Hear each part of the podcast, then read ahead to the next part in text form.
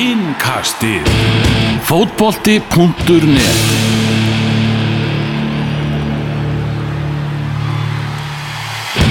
Góðan og gleðilegan daginn og verið velkomin með okkur í Evrópu innkastið það síðasta á þessu ári, á árinu 2019. Við ætlum að fara yfir jólatörnina og ímislegt fleira í eh, þessu Evrópu innkastið. Ég heiti Elvaki Magnús og tala frá Reykjavík og í vestmannu er stattur Daniel Geir Moritz. Hvernig er eh, já, komandi ár að leggjast í þig, Daniel? Gríðarlega vel Þetta verður árið mitt Þetta verður árið þitt, Já. það er ekki annað.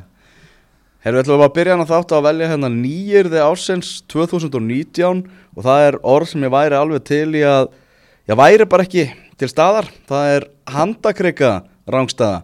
Uh, jólatörnin í ennsku úrvarsleitinni var náttúrulega búið að vera í mikilli, uh, miklum brennidepli og, og handakrygga rángstöður bara í, í öðrum hverjum leik.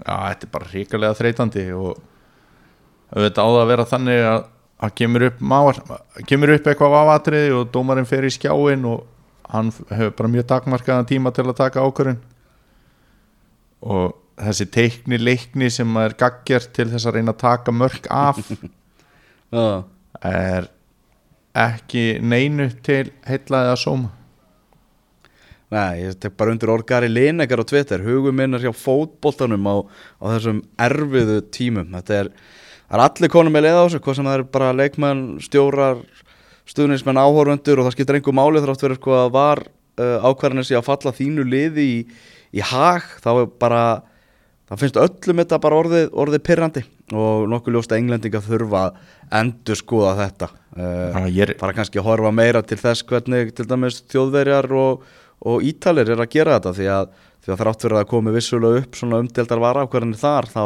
þá er þetta ekki í svona miklu mæli sko. Ég reyndar þekki það ekki að var ákvarðanir séu mínu liði í hag en við komum kannski betur að því hvað þetta er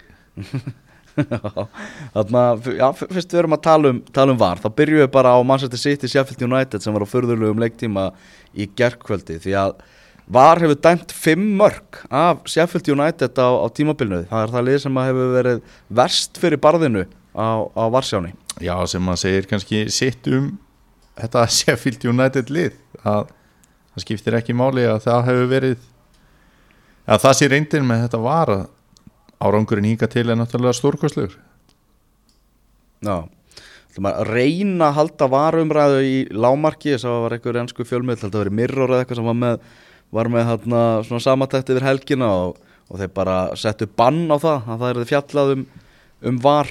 Þetta er náttúrulega bara að geta einhvern veginn upp alla, alla umræðu. Umræðu um domgjastlu í ennska boltanum er miklu, miklu meiri með tilkomi var, þetta fór í þveröf og átt með við það sem að vonast var eftir með, með innkomu þessara tækni. Já, ég sá brandara á samfélagsmiðlum í gær svona varbrandara. Já, það var mynd af svona varskjá og það stóð var decision og, og þar undir stóð Manchester United er still a shit. Þetta er vantilega Leopold Ah, aðdáðandi sem hefur búið til þetta grein. Þetta er leið að því líkum en, en hérna, menn verða að vera hressir. Já, herðu þarna Manchester City. Þó City hafi ekki svona, já, verið eins sannfærandi undanfæran ár þá hefur Kevin Bruyne bara orðið enn betri. Hann bara verið geta bætt sig.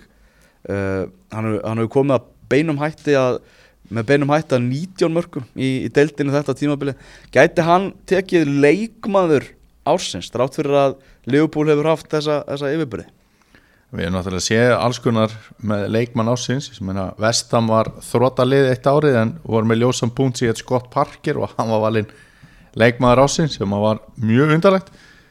Ekki það að ég Já, sé þetta hefur ekkert, alltaf haldist í hendur að, að besti leikmaðurinn kom úr besta liðinu. Nei, nei, og ekki það að ég sé að bera saman De Bruyne og Scott Parker sko, ég er alveg rólegur að því. En nei, ég held að Kevin De Bruyne jafnvel þó hann væri bestur í vetur þá er hann ekki valinn það, ég held að Virgil van Dijk eða Sadio Mane muni fá það, það sem að þeir eru bestir í þessu yfirbyrðaliði Liverpool Á ekki Manchester City að leita allra leiða í janúar klukkanu til, til að reyna að styrkja vörnina, kaupa varnamann, opna veskið, ég veit að Laporte stýttist í að hann komi aftur tilbaka og eitthvað, en það er ótrúlega auðvelt einhvern veginn að komast í gegnum vörnina hjá City um, um þessa myndir Jú, auðvitað ættu þeir að styrkja sig að maður spensi hvað hva leikmann ættu þeir að fá. Mm. og talaðum að janúarklukkin sé erfiður en Vörgli Van Dijk kom, kom nú til Liverpooli í janúarklukka Já, já, Vítits til United á sínum tíma. Er búið til Arsenal sætla minninga? Já, maður. svart í Messi eins og ég kalla hann. En. Þannig að það er alveg hægt að finna Ég held líka að Martin Skörtul hafi komið til Liverpool í janúarglökanum og hann var, hann var alveg ótrúlega tilbúin í Liverpool-verðina þegar hann kemur. Hann kom alveg gríðarlega ferskur inn en jújú, jú, að sjálfsögðu verður mannstið sitt í að reyna að gera eitthvað í þessu varnanleik því að hann er einfallega ekki nógu góður. Nei, hann er ekki nægilega góður. Uh, Þeir eru búin að uh, missa lestinni. Liverpool er að fara að verða englandsmeistari og er að fara að verða þá handhafi sko, englandsmeistara uh, nafnbótarinnar Evrópumestara nafnbótarinnar og heimsmeistara nafnbótarinnar á, á sama tíma. Það eru bara nokkrar vikur í það. Hann var ansins, ansins mikið gleðiðafni fyrir, fyrir stuðnins með Liverpool sem hafa verið bara skælbrósandi í, í marga mánuði núna? Já, bara því líkir yfirbyrði sko. þetta er þeir eru með besta markmannin þeir eru með langbesta hægri bakurinn. Besta hægri bakur í heimi? Já, ábygglega bara besta hægri bakur í heimi. Uh, þeir eru með besta vinstri bakurinn þeir eru með besta miðverðin þeir eru með bestu sóknatengiliðina tvo. Og þeir eru með frábæra miðju og Roberto Firmino er frábær center og ódæmigerðu center en frábær í sínu hlutverki og þeir eru örugglega með besta þjálfaran í dag uh, besta þjálfara heims já, allir það ekki og Já. þeir eru líka bara með ótrúlega flotta eigandur sem að hafa verið tilbúinir að kaupa dýra leikmenn og setja svona á stall með stóru liðunum og, og bara e, veðja virkilega á dýra leikmenn sem að hefur þurft að taka og svo hafa önnur draumakaup gengið upp til dæmis eins og Andy Robertson sem að Liverpool stuðnismenn nefna kjartan þegar verið að tala um hvað hægt er að gera fyrir lítinn pening. Og, Já, jó, og snill, snildarkaup. snildakaup og Joel Matip líka og, og þetta er ekkert allt rándýri leikmenn en, en svo hafa verið þarna dýri leikmenn keiftir og ég eh, segi það sem hrós, þú veist, það eru stóru klúbarnir sem kaupa dýra leikmenn og Liverpool var í mörg mörg ár, ekki lið sem að var að kaupa þessa dýrustu leikmenn en þeir eru það lið í dag og, og þetta allt spinnst saman og, og það er ekki nóg að koma síðan bara eitthvað dýr að svo kemur þjálfari og gerir alla leikmenn betri. Þannig að þetta er bara ég veit ekki hvað á eiginlega að stoppa þetta. Við getum jafnvel verið að sjá Liverpool taka tablust tímabil. Mann finnst það Já, það er möguleik á því. Já, það er möguleiki á því, mann finnst það hérna, raunhæfur möguleiki. Ég hef uppleiði aldrei með mannstu sitt í að þeir ættu svona raunhæfa möguleika á því þó að sitt í hafi sínt mikla yfirbyrði í deildinni að þeir getur farið tablust í gegnum þetta. En núna er maður bara að sé möguleiki hjá Liverpool en ég held að ég geri það samt ekki. Þetta er bara ótrúlega eh, erfitt einhvern veginn að að- að ná en þeir eru sannarlega möguleika á því Já, heldur betur. Joe Gomez mættur núna aftur af, af fullum krafti og það eru gleðitíðindi fyrir, fyrir Liverpool, hann er bara svona eins og hann var á í upphafi síðasta tímabils og bara allir heilir, það var bara Joe Gomez að byrja í dag. Já, heldur það, heldur að Matip mun ekki koma til þér Já, þú veist, að mínu mati þá á, á það að vera þannig. Ég ætla Þú veist, þegar hann er að stilla fram sínu sterkasta er ekki að, að dreifa ykkur álægi og eitthvað, sko. Ég ætla alltaf að vona að bakvarða dagar Joe Gomez séu taldir því að hann er mjög slakur bakurinn. Eins og hann er flottu miður sko. Já, príðilegur Það hjálpaði svolítið, hjálp, svolítið Leopold í gær og nú þannig að sigur á móti Wolves 1-0 uh, bara heldur áfram þetta, þeir vinna bara sama hvort þeir séu ekki upp á sitt besta eða hvernig þeir gera þetta, geta tekið náttúrulega Lester í þessum toppslag og rúlaði yfir þá og svo svona var þetta bara stórum hluta bara leiðilegu leikur í gær, Leopold uh, að mínum, ég hugsaði sko ef að án var þá held ég að þetta hefði verið skemmtilegu leikur. Varst einhvern veginn var svolítið drepa þetta niður, en það var bara svona tilfinning sem ég hafði. Já, það hjálpaði Leopold í leiknum í ger að, að Nuno stjóri, hann var að dreifa svolítið álæginu í þessum leik og Adama Traore hann byrjaði á, á bekknum þannig að Leopold þurfti ekki að glíma við hann í, í 90 mínútur. Þetta er rosalegu leikmaður. Náttúrulega þvílíkur líkanstyrkur á, á görnum samt þessi hraði og, og kraftur að vera 24 ára í januar veist hvað þetta, þetta er leikmaður sem að, sem að stórulegin eru farin að, horfa svona sólkin í. Já, ég held að það sé alveg klárt mál. Hann kemur náttúrulega úr þessari Barcelona Akademíu og var mikið látið með hann. Og hann var mjög lengi í gangi í ennska boltanum, það verður bara að segjast alveg eins og er Já, maður, maður held einhvern veginn að þetta var dúti sem yrði aldrei neitt eitthvað eitthva merkilegur sko. nei, þetta var búið að taka svo langa tíma og hann alltaf með hann Barcelona stimpil á sér og lítið gekk en, en hann er að uppskýra núna og, og, og er hann ekki bara svona einn af jólasveinunum núna ef maður talar um jólasveina sem gleði gjafa að svona sá leikmaður sem hefur glætt jólinn hvað mestu lífi Já, búin að vera alveg stóð skemmtilegur og náttúrulega þvílík breyting á honum við, á Wikipedia er hann að mynda honum frá því að hann var í bjelið í Barcelona og hann er bara algjörlega óþekkjanlegur sko. Og þetta er, þetta er svo sérstakur leikmaður sko. náttúrulega svona veku mikla aðtekli inn á vellinum já, já og, og við erum þetta massaður en samt svona snöggur. Við sjáum það nú kannski ekki oft veist, hann er bara nánast í einhverjum svona elokópi massa sko. Já. og elokópi hefði ekki getað hlaupið svona hratt til að bjarga sér út úr brennandi húsi sko en en, en já, já, það hefur verið nú samt að minnast á var í leiknum í gær hjá Liverpool og þar sem að Liverpool hagnaðist á var það er- bara þannig Er, er, er þessi varumræða að setja eitthvað skugga á, á árangur Liverpool og hvað svo ógæslega góðir þeir eru? Ég myndi alltaf að vera dálítið pyrraður á þessu ef ég væri stuðningsmaður Liverpool og að ve- vera með lið sem er að sína þessa yfirburði og myndi alltaf vinna englagsmeistaratitilinn 1920 tímabilið sama hvað og þetta er tímabilið það sem allir er að tala um var.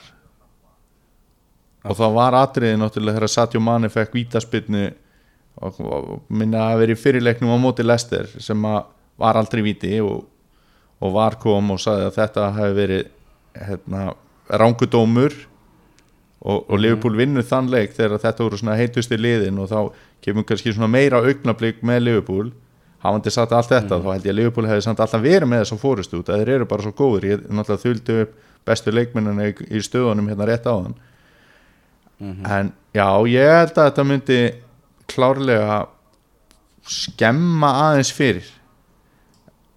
En skemma aðeins fyrir gleðin já, þetta sé að þetta var rugl tímabil. En ég held að þegar að menn verði í strætunum og, leðinni niður skólaveru stíin í, í, í mæi eða hvenna sem þeir alltaf fara hérna ég vona að standi við það sko. Ég held með þeim að vera bara eins miklu nöttarar á góðan hátt og hægt er með það að vinna þetta sko. Mm -hmm. að, að þá, þá eru menn ekkert að spá í þetta sko. Að þetta sé var mótið sem að Liverpool vann en þannig að já, þetta mun alveg klárlega að setja eitthvað stríkir reikningin en Liverpool hefði alltaf unnið þessa deild þrátt fyrir að var veist, það hefði ekki verið. Já, já, alveg. Langbesta liðið Heyrðu, Arsenal Chelsea í gær. Uh, Arsenal 1, Chelsea 2 og stikasöfnun hjá Arsenal bara upp á síðkastið og bara á þessu tímabili. Er til skammar, þetta eru fimm sigurleikir. Já, þetta er alveg ógeðslega lélegt Já, og ég maður bjóst ekkert endilega við einhverju fyrir hennar Chelsea leik. En svo byrjaði leikurinn og maður bara býttu nú við þetta er eitthvað annað arsenalið heldur en maður hefur séð í vetur. Þú varst nú einmitt að lýsa hvernig fannst þér bara svona að sjá munin á liðunum í fyrirháleik ég var bara virkilega hrifin af Arsenal liðinu í, í fyrirháleik bara var mikil svona vilji og þau náðu að sína sín gæði og, og hefðu vel geta komist í 2-0 svona Chelsea náttúrulega eh, náðu að vinna sig inn í leikin sem hann aftur svona um miðbygg háleiksins já, svona hægt og rólega. Uh, en bara fyrstu 45 bara hrikalega jákvæðar hjá Arsenal og þrátt fyrir að þetta hafi sann klúðrast í setna áleik er alveg fullt af jákvæðum punktum sem má, má finna þarna. Náttúrulega Aubameyang var alltaf einu bara besti varnar sóknamaður bara í heiminum. Já, já, bara var því lítið að hjálpa til hann að uh, tilbaka laga sett líka reynda að dróða alveg vel að laga sett það svona fór fullt mikill kraftu greinlega hjá honum í, í að aðstofa í já varnarleikum mér hans laka sett allt í lægi í leiknum í gæðin en það var augljóst að hann er ekki formi.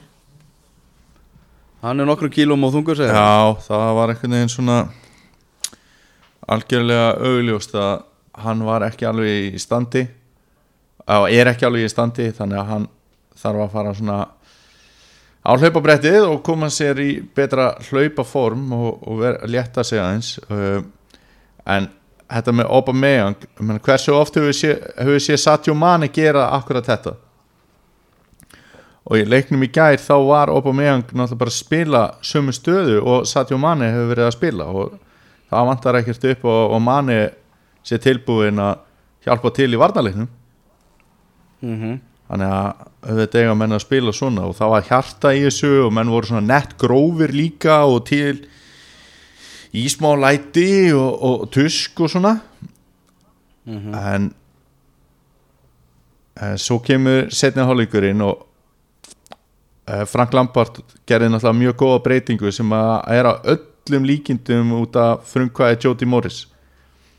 Já, það, ég held að það sé alveg pótum að sást þarna Chelsea byrjaði hann að leik alveg herfilega maður kemur nærmið þarna bekknum og þá er Jody Morris búin að teikna eitthvað upp þarna í skrifblokkina og er að sína Lampard og er svona og Lampard gefur um þetta bara svona svip. Hm, já, kannski, kannski er þetta málið. Mm og þannig að þeir vinna þetta greinilega alveg hrikalega vel saman og gaman að horfa þess á umræðinu þarna og vellinum í gær þar sem að Eidur Smári sem að þekki náttúrulega þessa tvo menn ansi vel var að tala um að svona að Jóti Morris þráttur hann hafi ekki náð hæðum þeim hæðum sem búist voru við sem, sem leikmar á sínu tíma hann hafi alltaf verið gríðarlega mikill svona fótboltaheili og les leikin vel sko. Og ég held að þeir séu að vinna þetta alveg ákvæmlega, vel saman. Ég held að Jóti Morris sé kannski sá aðstafþjálfur í deildinni sem er með svona hvað mestu uh, svona hávarastu röddin og mestu völdin af, af aðstofamönnum sko. Já, ég held að það sé mikið til í því. Uh, Jody Morris skoraði einu sinna á móti Arsenal og tók mjög eftirminnilegt svona lúðrafagn tók hann lúður Já, hann held öðrum eh, hérna nefanum fyrir munnin og notaði hinn síðan svona sem eh, svona eins og hann verið að spila á básúnu eða eitthvað. Ok. Okay. það var geggja fag sko. Eh, en Já, það, það, sem að, það sem hann teiknaði náttúrulega upp hana var að byrjuðu þetta í 3-4-3 leikkerfi en, en skiptu síðan eftir rúman hálftíma og fór í fjögramanna vörn og Emerson sem hafi verið alveg í miklum vandræðum. Hann var, honum var fórnað þarna e, í þessa breytingu. E, var náttúrulega bara áhorfandi í markinu hjá, hjá Aubameyang. E, fer í fari í fjögramanna varnalínu þar sem að Cesar Aspil og Keta fer út vinstramegin og Tomori verður hægri bakverður, Zuma og Rudiger þarna í, í, í hjarta varnarinnar. Og Jorginho kemur inn á miðjuna og, við, og það við það breytist náttúrulega miðjuspilið hjá Chelsea algjörlega, fara að halda boltanum miklu, miklu betur. Og hann átti þrjusu flottan leik. Hann var maður leiksins og, og ótrúlega mikið breyting sem að hann er að setja. Og ég hugsaði strax með mig, mér líst ekkert á þetta þegar þessi skipting var að fara að eiga sér stað. Mm. að því að, hann gerir skiptingun á 33. mínútu Frank Lampard. Eða þeir, Frank Lampard og Jody Morris og, Já, já og þetta var svo mikið svona in-play pæling sko, að þeir voru í bullandi vesinni, þeir voru ekki algjörlega yfirspilaðar á köplum og Arsenal hefði í raun og verið átt að skora annan mark eins og þú varst að tala um áðan. Mm og það er brugðist við snemma og bara, bara og frábærlega. Og Chelsea var miklu betri aðilinn í setnafáleik er, svona- svona voru samt ekki að skapa sig kannski neitt allt og mikið? Nei, voru miklu meira með boltan en svo fáði þetta já bara en áður en það kemur náttúrulega aðeins í jöfnunamarki þá áttu náttúrulega Jorginho bara að fá rauðarspjaldi, fá sitt annað gula spjald og, og þar með rauð Já, að tvent sem að fór verulega í töðan á mér áður en að þetta jöfnunumark kemur það er að, einmitt, að Jorginho hafi ekki fengið seinna gula spjaldi þar sem að hann kipir í Guendouzi og, og, og bara þess að reyna eitthvað við boltan og stöðvar mögulega að hraða sókn og bara þetta er alltaf guldspjald ah. en alltaf guldspjald, þú veist, það er bara þannig já. þetta er svona, þú veist, stundum sér maður brota sem var svona, svona dyng, bara augljóst guld og mér fannst þetta að vera þannig sko. algjörlega sammála því. líka, líka með við línuna í leiknum því að hann var að gefa guldspjald fyrir svona brot sko. Já, já, og, og fram að þessu hafði þetta verið bara vel dæmdu leikur það sem að það var mjög mikil harka í þessum leik og hann var að gefa spjöld en var samt svona að reyna líka að sleppa við þau en svo bara þegar það var ekki hægt annað þá gerði hann ekkert annað heldur en að spjölda Mhm. en þarna verður mikið klúður að gefa honum ekki setna gula hitt atriði sem fór í töðunar á mér það var að Joe Willock hefði getað klára leikin þar sem að hann fær algjörlega dauðafæri, skotfæri þar sem að var mikið klafs og, og, varnamenn og, og, og kepa komnir úr jafnbægi og hann fær svona eiginlega skot fyrir opnum marki og skýtur framhjá. Mm og svo kemur bara þessi aukaspilna það sem að leikmaður ásins hjá Arsenal, hann verður valinn það saman hvernig þetta tímabil endar. Bent Leno. Já, gerir rosalega stór mistök þar sem hann kemur í útlaup og hittir ekki boltan og misreikna sér svakalega og, og Horginjó bara er aðleitn á fjárstunginni og, og pótar honum inn. Og þetta er dæmigert að leikmaður sem á að vera farin út af með raukt skori. Það er svona já. freka pyrrandi en, en hérna já, já. Ég held sko að Craig Pawson dómari hafi svona átta sig á því að hann hafi mögulega verið að gera stór mistök með því að lyfta ekki gula og, og, og rauða. Já, og, og ímislegt örgulega flóið í gegnum hausun og honum þegar hann sá hver það var sem að mættur hann á fjastenginu og skoraði sko. já, já og þegar að Arsenal er búið að hlaupa svona ógeðslega mikið og reyna uh, jafn mikið að, að spila fyrir stjóra sinni eins og liði gerði í fyrirháleik og það dró verulega af liðinu og Chelsea var, að- var bara með boltan í setni háleik að þá, þú mátt ekkert við einhverju svona ruggli þú veist það þarf hlutinu þurfa líka að falla með þér eða bara vera réttlótir til þess að þetta Arsenal lið getur unnið þetta Chelsea lið á þessum tímapunkti og það var sannarlega ekki í gerð uh, Chelsea liði áttu svo bara sigurinn skilin þeir Tammy Abraham heldur áfram. Já já og, og svona heilt yfir var Chelsea betri aðilin í þessum leik. Ég held að það sé nú alveg hægt að segja það þó að það hafi verið svona jákvæð byrjun hjá Arsenal og, og þetta mun alltaf bara taka tíma hjá Arteta að breyta þessu. Ég, ég var svona já, ég var ógeðslega full með þetta tap en ég hafi meiri trú á Arteta eftir en að leik heldur en fyrir leikin Já, það er ímislegt sem, að- sem að hann þarf að laga. Áhugaveru punktur og góðu punktur sem að Einar Guðnason aðstofa þjálfari Víking sko með á, á Twitter það, það sem hann var að tala um. Já, fitnessið hafi svolítið orðið Arsenal að falli og, og liðið svona get ekki spilað á því tempói sem Arteta fer fram á og það er svona hafið þetta orðið svolítið svona loftlaust hjá þeim í, í setni áleik sem er alveg bara góðu punktur þar sem að menn er kannski bara ekki svona alveg vanir þessu sem að, sem að Arteta vil sjá hjá Já, Arsenal og þá vil ég bara að hann haldi því út þetta tímabil. Já. Þú veist, hann bara spilar samt þennan bolta reynir að ná þessu tempói og leikmenn geta meðist og allt þetta og hvað minnir það þá á? Jú, þegar Jörgen Klopp kom til Liverpool.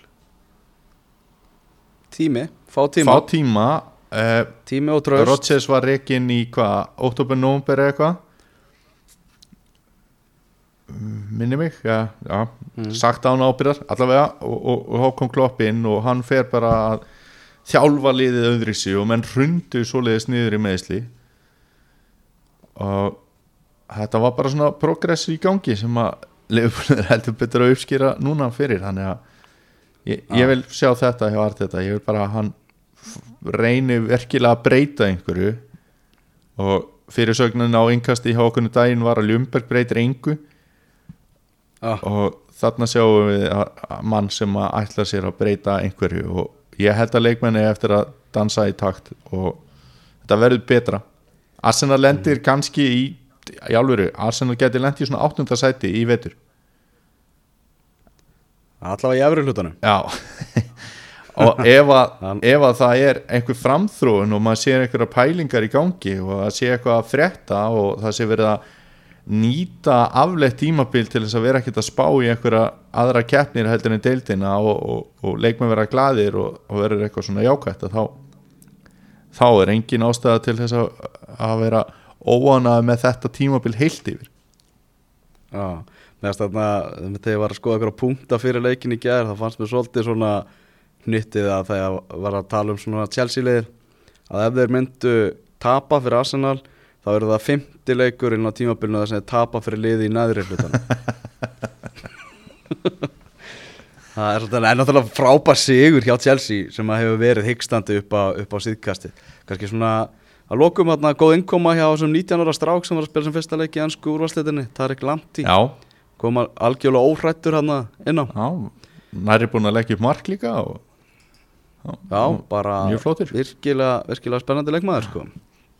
og þeir eru að reyna hann er bara samningsbundin út tímabili en þeir eru að reyna að gera nýjan samning við, við, við Guttan.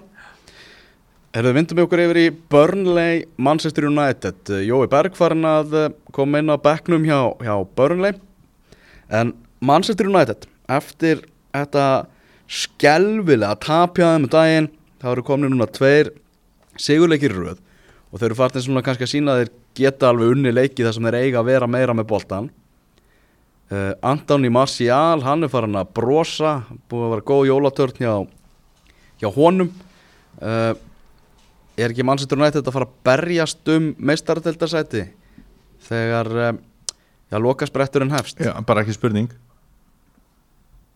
Það er bara Já, það er bara einfalt og já, gott. já. E, Þessi þú veist, Manchester getur alveg lent í því að tapa skrítnu leikjum aftur. Þú veist, þið getur alveg lent í því að tapa bara allt innu fyrir Aston Villa eða Dormoth eða eitthvað skiluru mm.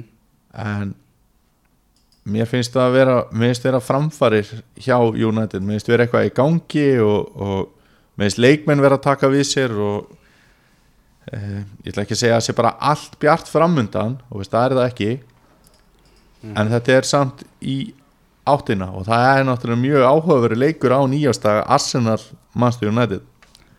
Já, það er verið að tala um það að Paul Pogba verði tilbúin í þannleik, hann var ekki með á móti Burnley og Solskjaer sagði það að ástæðan verið bara einfallega svo, hann er náttúrulega að koma úr meðslum og, og það er kannski ekki sniðut að láta að spila hvernig einasta leik hérna strax í jólatörninni sko.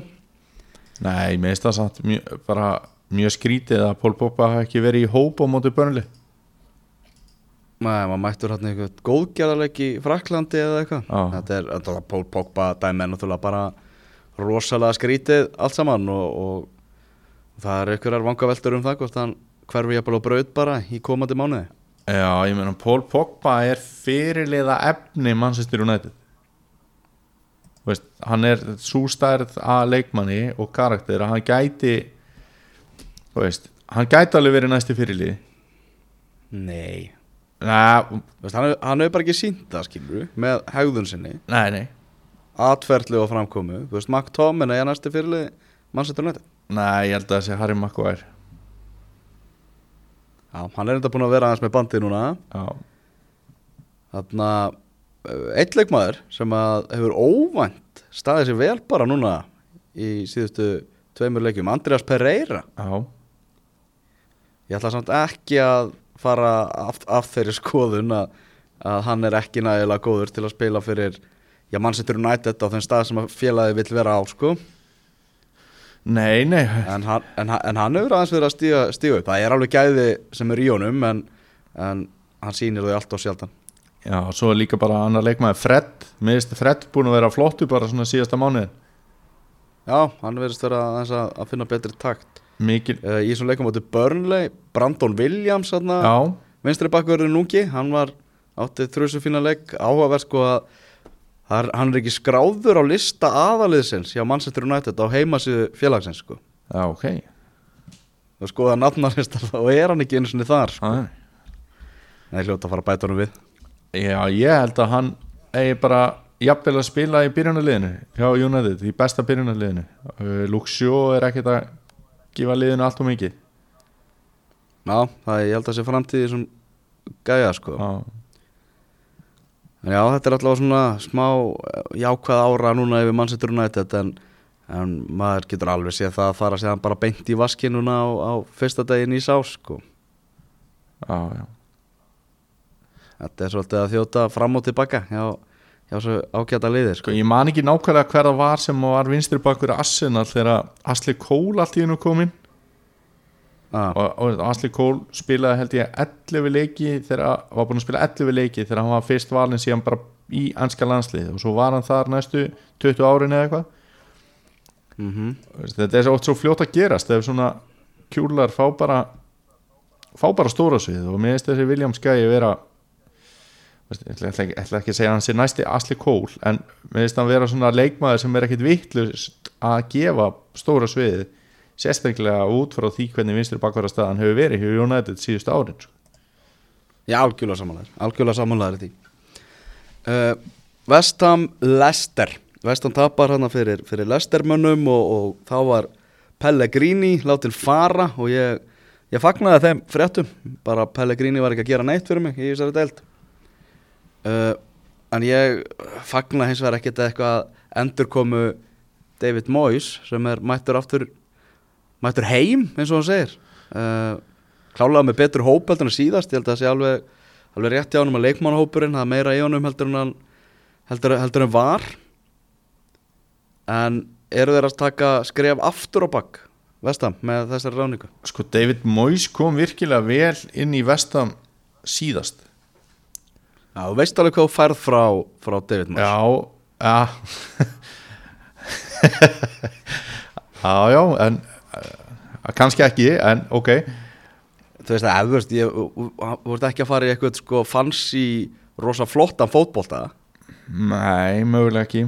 Uh, Nei, þú veist, hann er að vinna með mönnum út á æfingarsvæðinu mm þá þú veist, þar, þar nýtur hann sín alveg vel og, og, og allt það.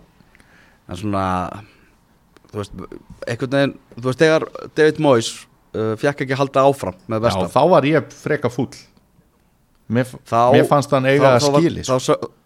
Já, þá sögðu þau bara basically uh, bara við viljum taka aðra stefnu heldur en, að, heldur en David Moyes og kannski voru þá að líta kannski of stórt á sig má mögulega vera. Mm, já samtu alveg að kaupa nokkuð dýra leikmenn og, hú veist Já, já, maður það ekki?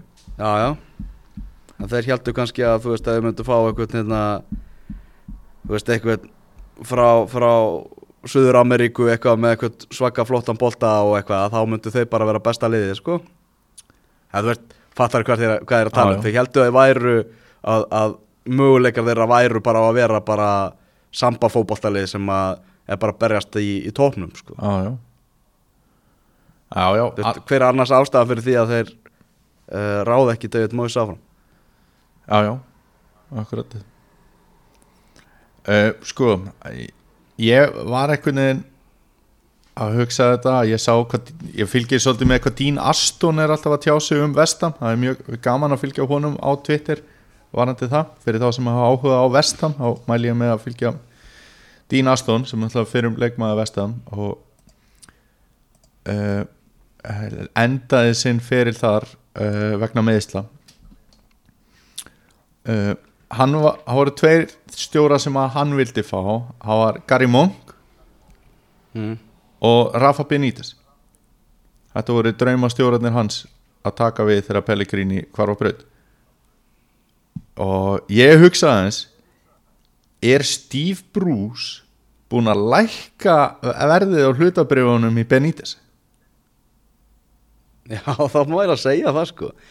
David Moyes er svolítið að fara inn í svona svipa umhverfi og, og Steve Bruce að því leiti að það er ekki margir sem að hoppa hæðsina kæti þegar hann er ráðinn og hann þarf að vinna stuðnismenn á sitt band. Ég menn hann var orðaði við Everton og stuðnismenn Everton bara vildi ekki sjá hann aftur og, og stuðnismenn Vestham er ekki spennti fyrir honum núna. Nei.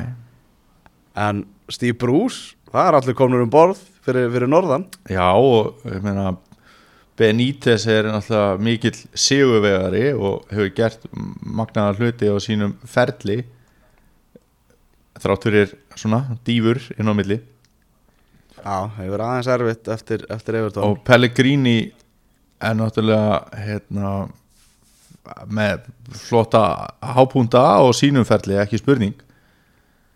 Þannig að þetta er, já, þetta eru mjög sambarilegar aðstæður þó að ég sé, held að það sé svolítið auðveldar, nei, samt ég ætla að segja að held að það sé auðveldar að vera stjóri hjá vestam, en en- nei, nei, nei, ég ætla ekki að það er auðvitað bara ansið Nei. snúið líka sko. En þú trúið því að Vestan geti bætt að, að, að Móis geti bætt Vestan já, bara 100% sko. það mun gera það. Já, þú hefur mikla, mikla trú á, á Móis Þú ert alltaf spenntar en ég. Já, já, já, bara það að það verði breyting.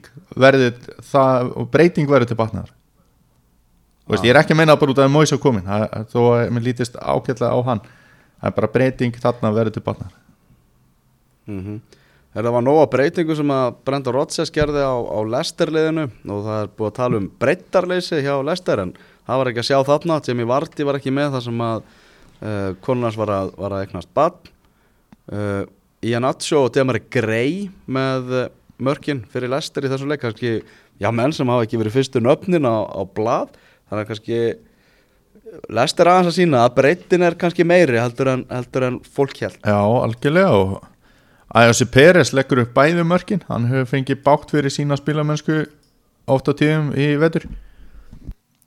Þannig að Já, vel gert í honum. Já, þetta er bara virkilega flottur sigur hjá Lester sko. það verður bara að segjast eins og er. Fara þarna og Já, þeir halda áfram bara á leiðsynni í meistaradeildir já, ekki spurning. Uh, Norvits 2, Tottenham 2 Mourinho, hann var að rósa hérna Endon Bele eftir leikin var mjög hrifna af honum. Mhm. en hann var ekki hrifna af varnarleiknum hjá sínum mönnum sem að sést kannski á því að Juan Foyth og, og Jan Vertongen það voru teknir að velli í hálfleik í þessum leik. Já, ég held að það verður örgulega uh, hressileg stemming á æfingasöðinu hjá, hjá Tottenham í morgun. Þarna, Eh. þarna líka skoraði Tímo Pukki mark sem að hefði bara átt að standa það sem að var þurfti alveg fáranlega mikla teikni leikni til að reyna að finna út mögulega rángstöðu og það fannst handakrigar ángstæða þar. Já, já. Það var nefnilega er geggja mark Geggja mark. Það sem að sending, Já. sendingin inn fyrir er bara algjörlega frábær og, og hvernig hann kassaði hann og eða laði hann fyrir sig og skoraði það var bara þetta var var ríkilega gott mark í svona nokkuð gæða snöðu liði Norvits en, en það fekk ekki að standa út af einhverju handakrika bulli. Já, hvað, hvað heldur þú að hversu spenntur heldur þú að Mourinho sé fyrir því að, að þurfi ekki að vera með Gassa Níka í markinu á sér? Ég held að hann sé nokkuð spenntu fyrir því. Já, Hugo Lloris það var að tala um februar hann snú aftur í, í februar Já, gæti ekki tóttin að fara bara í að kaupa markmann Nei, býðar þá ekki frekar? Já, ég er að meina annan varamarkmann Já, gæti verið sko. Það er, þetta, Ef- hann, er að sí, hann er búin að fá svo marga leiki og þú veist, og hann er að sína það að hann á ekkert erindi í það að vera varamarkmaður í anskúrastildinni Nei, alltaf ekki varamarkmaður sem getur tekið svona svona kabla, svona langan kabla Nei. eins og hann er búin að taka núna sko. Nei, nei og, og hann alltaf ríktir í, í stóðum varnarinnar veist, vörnin byrjar á markvöslinni mm og öryggið á að koma frá markinu þetta er svona á, á, frasar sem oft eru látnið falla um varnarleik. Já, og það er hann veist að hann, hann þó myndi spenna beltinu á fjölskylduna sína í bíl sko, þeir myndi ekki finna fyrir öryggi sko. Já, Tottenham tapaði þarna fyrir Chelsea uh, vinnur Brighton naumlega og gerir hann jafntefli þarna á móti Norwich. Þetta er svona la la, ekkert sérstakt uh, í jólatörninu hjá, hjá Mourinho og félagum Nei, og þeir eru að næstu útileika móti sjóþeituliði Southampton. Þannig að það geti bara orðið svona, já, lokakablin og umulegri jólavertíð tóttinam ömurlegri jólavertíð Tottenham. Uh, Tottenham er uh, fimm stöðum núna frá, frá fjórða sætinu eins og staðan er. Uh, Norveit strákanir, þeir eru komnir í neðsta sætið. Það sem að Votford hefur allt einu skyndilega farið af stað. Norveits náttúrulega svona fer svolítið inn í þess að deild finnst manni bara, heyrðu, förum bara okkar fórsendum reynum okkar besta og, og sjáum hvort að það virki eitthvað. Já, og það hefur ekki verið að virka nægilega vel hinga til. Nei. og Watford allt í einu bara farið að sapna stigum. Og eru þremur stigum núna frá, frá örgu sæti. Ofurhetjan Troy Deeney mættur aftur. Farin að skora orðin, orðin upplugur 3-0 sigur á móti Aston Villa. Og þessi innkoma hjá Nigel Pearson við erum að tala um sjö stig og síðustu þremur leikjum. Og í fyrsta leik náttúrulega þessi flotta framistæði hjá þeim að móti Liverpool bestaliði ja, heims. Já, já. Þannig að Nigel Pearson á, á, á róskili fyrir hans innkomu. Heldur að þetta muni oft, oft koma já, nýjir þjálfarar og, og, og gefa svona tímabundi rafstuð? Heldur að þetta muni halda sér hjá Votvort Já, Watford mun ekki falla sko. Við tókum nú Votvort mun ekki falla? Nei, við tókum það náttúrulega tímann um daginn og, og, og svo aðstæða hefur ekkert breyst hjá mér. Og já, það er bara Þá eru- það eru svo margi gæða leikmenn að það sko. Þá eru þeir að fara að setja met. Því að ekkert lið sem var með nýju stig hérna eftir eitthvað ákveðið margar umferðir að það er nokkuð til að ná að bjarga sér frá falli. Já, ég meina ef við skoðum bara og veist, Watford gæði og svo lið þarna ég meina Brighton Bournemouth Aston Villa Norwich. Ég held að Watford falli ekki sko. Já, ok, ok. En Aston Villa, sem tapaði þessum leik 3-0 hefur verið svona aðeins að högta hjá þeim. Já, ég maður, mér langar alls ekki Aston Villa falli. Ég þe- þekki of marga Villa aðdáðundur og, og þetta er náttúrulega bara lið sem að var ólsóldi upp með. Aston Villa ennska úrvasteildin er Aston Villa fyrir okkur og, og Leeds og eitthvað svona. Mm -hmm. uh, Talandi um Leeds Sigurinn hjá þeim á móti í handbóltaleiknum hann í gær? Heyrðu, Það bara sko, þrjú flautumark og, og, og, og og Leeds bara með, með 5-4 sigur. Þetta er örgla komnir á, á toppin Þetta er auðvitað besti leikur bara Englandsmótsins í fótballta Já, þetta er frá, frá algjör snild sko. en sko hvernig Aston Villa fer inn í þetta mót er svolítið dæmt til þess að mistakast.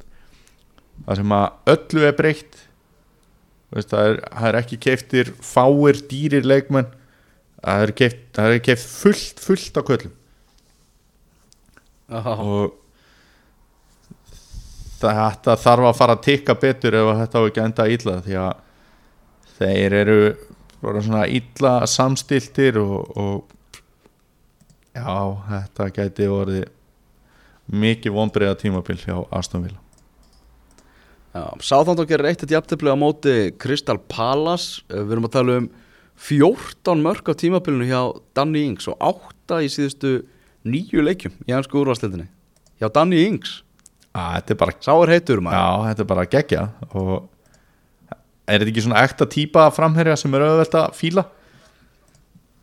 Já, það er gaman að hann þannig að en Sáton er bara búið að vera á flottu rönni og það er- verður fórnilegt að sjá hvað það endist lengi. Eins og ég sagði hann, þá er náttúrulega heimaleikur á móti Tottenham næst og Sáton geti alveg unnið þann leik. Og Crystal Palace, Roy Hodgson og, og félagar eru nær sko, topp fjórum heldur en fallsvæðinu. Uh, Enginni þegar uh, liðsins hefur verið svona frekar ómerkilegu sóknarleikur en upplugur varnarleikur. Þetta er fárlega góður árangur líka meða við sko, meðslin Þeir hafa verið með langan meðslalista bara virkilega góður árangur og, og Roy Hodgson sem að var uh, mikill skopstótt í augum Íslendinga hann, hann hérna skotspóð seg í augum Íslendinga hann hérna, það er enginn að hlæja honum í dag á Englandi. Nei, það er þannig Herðu Newcastle tapa fyrir Everton 1-2 Everton kom með skemmtilegasta þjálfarateimi í boltanum í Carlo Ancelotti og, og, og Ferguson, Duncan Ferguson.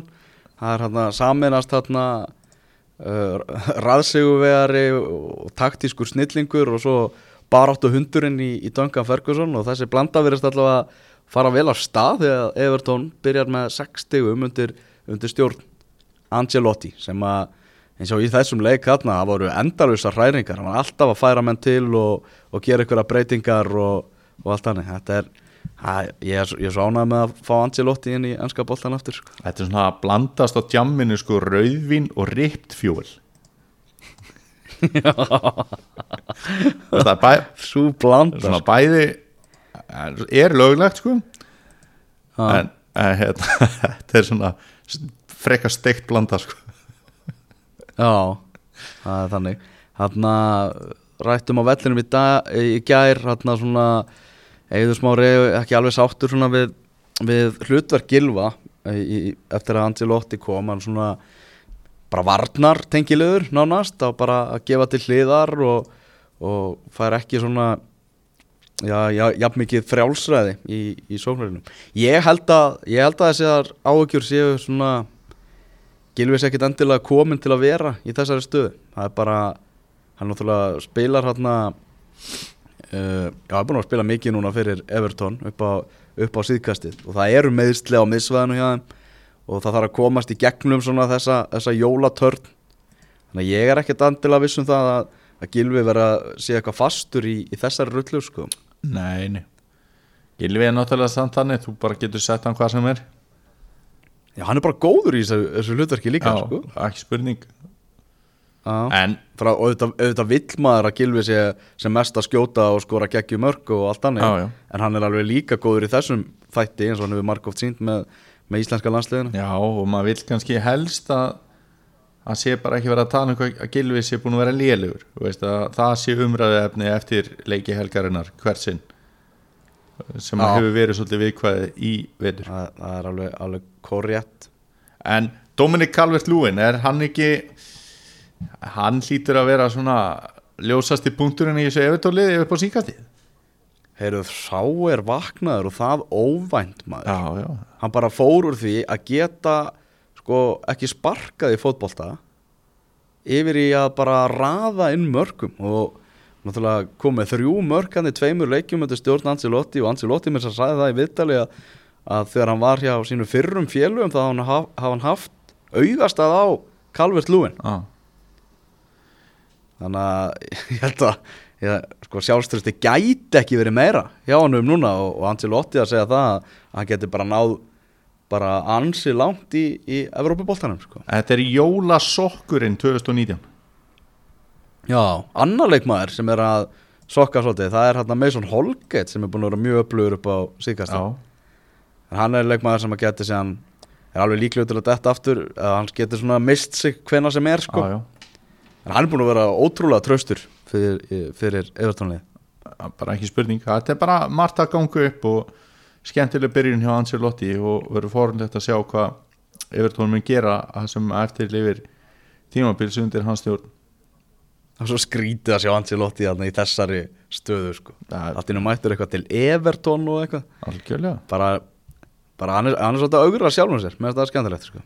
ég man eftir því bara hérna 2000 og hvað 2005 nei 2006 þá kom allt í unni Þorvaldur Örliksson að þjálfa fjárðabygg Já, og maður bara Þorvaldur Örliksson bara eitthvað þvílitt legend sko. Ég held að Evertón stuðnismunni líður svolítið þannig sko. Uh, Brighton með 2-0 sigur á móti Bournemouth Og þar voru tíðindi. Ali Retsa Jahan Bax Íraninn Ali, við skulum bara kalla hann það. Mm. Hann skoraði sitt fyrsta mark fyrir Brighton Keiftur á met fjö Sumarið 2018 uh, Var búinn að skora vel fyrir Aseta Alkmar í Hollandi. Og hann loksins náði að skora núna Já, þetta er búið að vera mjög fyrirlega saga hans. Ég, ég held að það myndi vera að láta hann fara síðasta sumar en þannig að hann alltaf keftir eins og segir á metfi og kannski ekkert auðvelt að losna við hann. En svo uh, Harry Potter kannski vilja sjá bara að gefa honum tíma og, og halda honum í sínu blönu því að hann ávæntalega hafa einhver gæði fyrst að hann er keftir á, hana tím, á þetta metfi sé þannig að það verður fórulegt að sjá hvort að sé eitthvað framhald á þessu og hvort að þetta hafi bara verið jólakraftaverk Já, einhver sem að vonast nú eftir, eftir kraftaverki, það er svo lange sem er núna fari, búin að fara í gegnum 29 leiki fyrir Bournemouth án þess að án þess að skora, mann finnst þetta allt og góðu leikmaður til að geta farið í gegnum svona marga leiki á þess að ná einn marki sko. Já, hann hefur eiginlega bara ekkert verið nálægt í sko. hann er enga veginn fundið sér hjá Bormóð og, og hún ætla margir liðbúmenn sem fóru að skelli hlæja þegar þeir sáu verðmeðan sem hann var settur á hann þegar hann fór til Bormóð sko. Já, en við rættum þetta nú fyrir, fyrir í haust hvort að hérna, þetta er í tímabilið það sem allt fær í vaskin hjá Bormóð já nú eru þeir komið með sjö tapleiki í síðustu nýju Já, rosalega meðslavandræði liðinu, he Þetta- liðinu hefur náttúrulega verið haldið úti á frekar lágu budgeti Já, og það hefur gengið vel með góðan stjóra og náttúrulega með góða leikmenn. Joshua King og Callum Wilson hafa verið svona skiptast á að vera meittir í vetur og, og Bournemouth má náttúrulega ekki við því. En já, svo er hann hann Brooks sem var svolítið stjarnan á síðasta tímambili, hann hefur lítið spilað og þetta það er ekki bjart yfir einni björtustu borg Englands. Það eru bara að segjast eins og er mun ekki Eddi hástu eitthvað frá borði við fyrsta tækifæri? Leið og eitthvað svona aðeins stærri klúpur reynir að veðan Jó, við erum alltaf búin að býða eftir í nokkur ára að eitthvað stærri klúpur takja hann bara. En ég held að sé núna hugsaðan bara, þú veist, ég kemst ekki lengra. Já, heldur þú að, að stær, stóru klúpar hafi verið að banka í hann? Veit það Heldur ekki, að Tottenham veit það hafi bankað í hann á einhverju tímapunkti? Ég er ekki viss Nei, ég er nefnilega ekki vissum að heldur. Ég, ég, ég ætla að segja bara ég held ekki. Ég held að hann hefði þá farið sko. Já. Heyrðu, Það er hérna leikið á nýjástak í ennsku úrvastildinni Já. Það er náttúrulega mikil gleði efni. Þetta er náttúrulega þingudagur ársins. Já, já, Þannig að það er bara hægt að vera upp í, upp í sófa og hver leikurinn og fætur öðrum sem að, sem að mætir hérna í, í, í sjónvarpið. Og síðan endar þetta náttúrulega á Arsenal Manchester United er í hátinu eru tveir leikir Brighton, Chelsea og Burnley, Aston Villa og, og City er að fara að keppa móti Everton meðal annars. Þannig að það er nóg framöndan þann, þann uh, uh, 1. janúar. Tvær leikmanna fréttir sem við skulum aðeins nerta á áður en þú ferði í, í listaðin Erling Braut Holland til Borussia Dortmund. Þetta datt inn í gær. Þetta komir óvart frábært fyrir leikmann Já, algjörlega frábært. Ég held að það sé bara besta mögulega skref fyrir hann er að fara til Dortmund til að halda áfram að, að svona þróast sem, sem leikmaður. Þarna bara að vita það allir að því að Dortmund verður betri. Uh, það er einhvern veginn svona þeir treysta unga leikmenn þú færð spiltíma Minni pressa heldur Og- en hann hefði farið til United eða Juventus eins og hann var sterklega orðaði við líka. Já, algjörlega. Og bara svona á þessum tímapunkti bara betra fyrir hann að fara til Dortmund heldur en nokkuð tíman Manchester United. Hann og Kolbeitt Finnsson vera flottir hana Já, já, Kolbett verður dóttir hann inn í, inn í vinstri bakurinn Já, það var að tala um að hann Raiola hafi hann Mino Raiola sem að umbósmaðurinn sem að fór að henda sér í málinn hjá, hjá Holland. Hafi krafist þess í viðræðan við Manchester United að þeir ákvæði að vera hægt að kaupa Holland af United fyrir einhverja 42,7 miljónu punta. Uh, óstafesta fréttir. Og að fadir hans Alfingi Holland fyrirvendileg maður lýtsmyndi fá hluta af, af næstu sölu. Var já, eins og þetta hann vildu bara að voru tilbúinir að láta hann til United en, en þá er hann bara hann í, í smá tíma. Já. það er skrítið. Já, mjög skrítið en það er spurning maður veit það náttúrulega ekki ennþá hvort að það sé eitthvað ákvæði í, hjá Dortmund. Er ekki líklegt að það sé eitthvað ákvæði þar? Jó, ég held að það sé mjög líklegt. Um, Þannig að en hversu langt heldur þú að þessi gæi sé að fara að ná? Það er rosa erfitt að segja það er náttúrulega ótrúlega markaskorun hjá honum í meistaradeildinni svakalegu skrokkur og allt hannig en hann er að koma úr austurísku deildinni sko. Já, já, þannig að ég ég held að þú veist ok, finnst, mér finnst það sniðut, skref hjá honum að, að fara til Dortmund. Og ég held að það auki líkunar á því að hann muni ná mjög langt. Það er náttúrulega bara rosalega flotti hlutir að gerast hjá norsku íþróttafólki og uh, með hann og Martin Ödegard það verður svona fórulegt að sjá hvað normenn munu gera á næstu árum. Já, ég, það, er, eina sem að pyrra mig Það er ef norðmenn er að fara að ná einhverjum rosa árangri. Já, ég- ég get alltaf samfagnað með Lalla. Já, ég held að þú sért að fara að vera sko. Það er bara því miður. Því miður, heyrðu, Slatan fór til AC Milan. Já, Markis rák upp stór augu þegar eh, við á fótbolta.net greintu frá því að hann hefði gert 6 ára samning við AC Milan. Það var einslátt að villa og hann gerði náttúrulega 6 mánaða samning. Fekk að standa hann í, smá stund áður en- það var laga djöfut getur Hey- fólk hey- verið brjála þegar kemur smá villa. Já, það, fólk getur verið ansi Já. reitt sko, Zlatan Ibrahimovic er geggjaður algjör, algjör snillingur og bara vá hvað hann hefur litað fótboltan og, og allt það. Já, en ég ætla að vera smá neikvæður og segja að að- AC Milan að sækja Zlatan núna sýnir svolítið hvað allt er í ruggli hjá klúbnum Finnst þér það að vera allar að taka það teik frekar en að þarna sé góður biti að fara í hundskjaft Ég upplega þannig sko. Ég ætla að freka bara að taka teiki bara hvað, hvað er í gangi hjá AC Milan ætla, ætla þeir ekki að fara að rífa sig upp úr þessari meðalmennsku sem þeir eru búin að vera í undanfæra ár sko. Ok, þér finnst það að vera svona meðalmennsku að taka slatan frekar heldur en slatan bara að vera vittlust að fara til Mílan Það er ekki bara fínt fyrir Zlatan að fara hana Menna, Milan er ekki að gera neitt ef hann gerir eitthvað smá þá veist, bara frábæð borg og, þetta er ekki bara algjör snild fyrir hann 38 ára gammal Jó, kannski. Jú En Þetta er allavega, er allavega hressandi að fá, fá Zlatan í, í ítölsku aðdeldina ég ætla ekki að neita því sko. Já, sjálfsög og fá hann í AC Milan er náttúrulega skemmtilegt. Þetta er náttúrulega það lið sem að flestir fylgjast með á Ítalíu kannski á St. Juventus En næst ætlum við að fara yfir í listaðin Daniel Þú ert með, með skemmtilega lista hana Herðu, já, þetta er nú ekki frá vandaðasta miðlinum en þetta er svona samkvæmisleikur. Fólk getur spilað þetta heima og, á gamla skjöld og svona.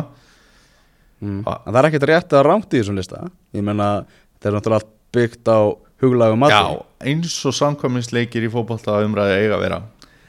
Mm. Þessi leikur er nú bara þannig að þetta er leikmaður áratugarins hjá félaginu. Já, uh, og ég ætla bara að dundra þess á þig.